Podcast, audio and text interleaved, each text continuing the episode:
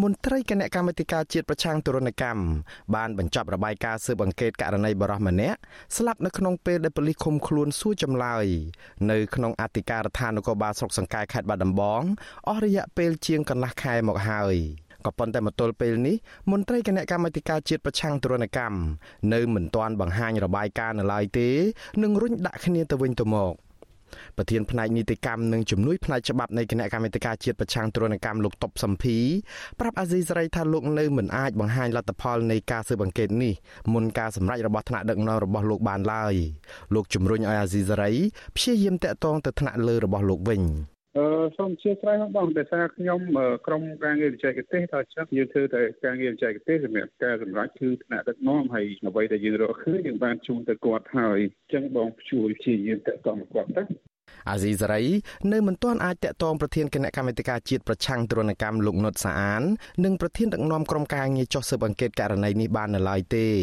នៅថ្ងៃទី25ខែមេសាដោយទូរស័ព្ទចូលពុំមានអ្នកទទួល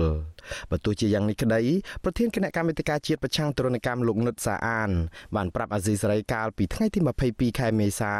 ថាលោកបានចាត់តាំងមន្ត្រីជំនាញឲ្យចុះស៊ើបអង្កេតករណីនេះក៏ប៉ុន្តែមិនទាន់ទទួលបានរបាយការណ៍របស់មន្ត្រីថ្នាក់ក្រោមនៅឡើយទេហ្នឹងហើយហ្នឹងហើយហ្នឹងហើយខ្ញុំខ្ញុំឲ្យខ្ញុំចុះសរសើរជាអស់ហើយចាំគេធ្វើរបាយការណ៍ក្រោយអត់ទេខ្ញុំអត់ទាន់ដឹងផងគេមិនទាន់មករាយការណ៍ខ្ញុំបងនៅទេខ្ញុំអត់ទាន់បានទទួលណា ដាក់លើអត់ដាក់លើមិនទាន់មកដល់ខ្ញុំផងបាទហ្នឹងហើយចាំពេលណាខ្ញុំដឹងខ្ញុំអត់ទាន់បានទទួលទេចំណែកឯអ្នកនាំពាក្យអគ្គស្នងការនគរបាលជាតិលោកឆាយកឹមខឿនឯណោះវិញលោកថ្លែងថាអង្គភាពរបស់លោកនៅមិនទាន់ទទួលបានព័ត៌មានឬរបាយការណ៍អ្វីជុំវិញរឿងនេះនៅឡើយដែរកាលពីថ្ងៃទី7ខែមេសាបងស្រីរបស់ជនរងគ្រោះបានដាក់បណ្ដឹងទៅក្រសួងមហាផ្ទៃឲ្យជួយស៊ើបអង្កេត និងស្វែងរកយុត្តិធម៌បន្ទាប់ពីសង្ស័យថាប៉ូលីសនៅខេត្តបាត់ដំបងធ្វើទរណកម្មលើប្អូនប្រុសរបស់ខ្លួនឈ្មោះថាពេជ្រធីរ៉េតរហូតដល់ស្លាប់ហើយបង្វែរថាស្លាប់ដោយសារកាំងបេះដូងបងស្រីបង្កើតរបស់ជនរងគ្រោះគឺលោកស្រីពេជ្រលីណាថ្លែងថាមន្ត្រីប៉ូលីសនៅក្រសួងមហាផ្ទៃ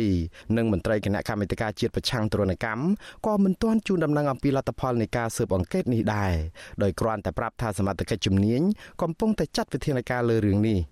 លោកស្រីនៅតែទទូចឲ្យអាជ្ញាធរពាក់ព័ន្ធពន្លឿនចាត់វិធានការលើរឿងនេះដើម្បីយុត្តិធម៌ដល់ប្អូនប្រុសរបស់ខ្លួន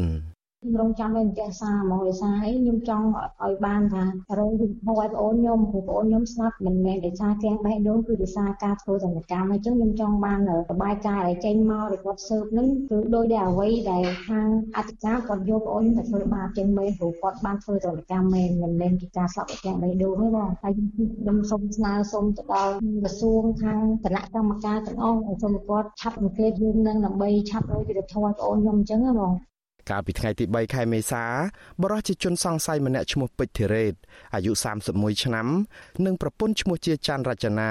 អាយុ30ឆ្នាំបានស្លាប់នៅក្នុងថ្ងៃជាមួយគ្នា ហើយបានបន្សល់ទុកកូនស្រីតូចៗចំនួន2នាក់ ស្ត្រីជាប្រពន្ធបានស្លាប់ដោយសារឆក់ខ្សែភ្លើងនៅក្នុងផ្ទះរបស់ខ្លួន ស្ថិតនៅភូមិបោះពោឃុំអូដំបងមួយស្រុកសង្កែនៅឯខេត្តបាត់ដំបងក៏ប៉ុន្តែបតាមម្ដាយក្មេករបស់ជនសង្ស័យក្នុងពេលកើតហេតុគឺបរោះជាប្តីរូបនេះមិនបាននៅផ្ទះនោះឡើយ ប៉ុន្មានម៉ោងក្រោយមកទើបបរោះជាប្តីមកដល់ផ្ទះហើយត្រូវគេប្រាប់ថាប្រពន្ធរបស់គាត់បានស្លាប់ទៅហើយពេលនោះលោកពេជ្រធីរ៉េតក៏បានស្ទុះរត់ទៅយំអោបសពប្រពន្ធក៏ប៉ុន្តែភ្លាមភ្លាមនោះប៉ូលីសបានចាប់ខ្លួនលោកដាក់ខ្នោះហើយដឹកយកទៅសួរចម្លើយនៅក្នុងអធិការដ្ឋាននគរបាលស្រុកសង្កែដោយសង្ស័យថាគាត់បានរីខ្សែភ្លើងអគ្គិសនីដើម្បីឆក់សម្លាប់ប្រពន្ធដោយសារតែភ្លើងប្រច័ណ្ឌ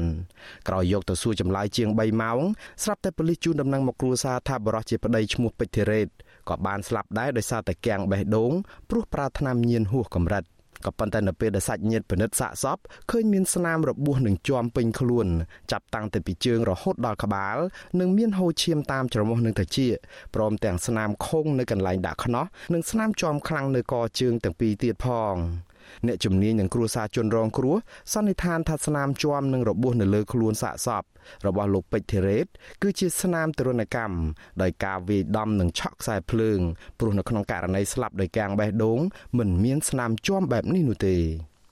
ជាមួយរឿងនេះអ្នកនាំពាក្យសមាគមការពារសិទ្ធិមនុស្សអាត់ហុកលោកសឹងសានករណាលើកឡើងថាជារឿងល្អ